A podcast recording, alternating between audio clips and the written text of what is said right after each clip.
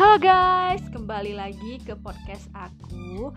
Dan aku kali ini mau bahas Day 2 FMBPI Nah, jadi di sesi kelima Kemarin kan udah ada 4 sesi, sekarang sesi kelima Kita akan ada kedatangan perwakilan kampus Yaitu tepatnya perwakilan 5 kampus dengan uh, peserta FMBPI terbanyak gitu ya. Apakah kampus kamu, apakah kampus saya, kita nggak tahu. Nah, kita akan bahas tentang kenal kampus. Setiap kampus punya cerita. Yang kemudian Sesi keenam kita kehadiran uh, Mata Najwa. Siapa Mata Najwa? Najwa Sihab ya yang merupakan founder Narasi TV. Yang kemudian uh, Mbak Najwa ini merupakan pemandu acara televisi Mata Najwa.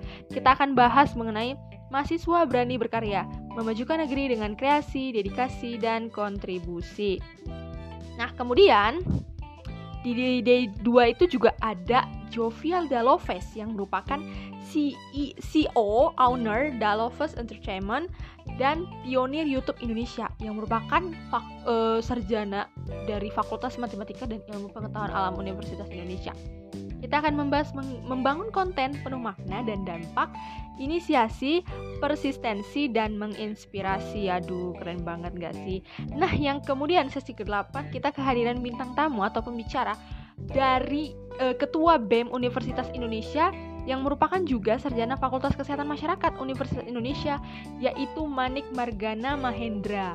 Kita akan bahas hidup mahasiswa, hidup rakyat Indonesia, narasi perjuangan anak muda demi bangsa. Waduh, bagus banget gak sih itu temanya? Nah, itu tadi pembicara-pembicara yang ada di D2. Oleh karena itu, buruan daftar FMBPI sekarang juga karena bakal banyak banget pembicara-pembicara yang power, yang handal, yang uh, berpengalaman, yang pasti worth it untuk kehidupan kita sekarang. Oke, okay, dari aku uh, tunggu tunggu podcast aku selanjutnya dan bye bye.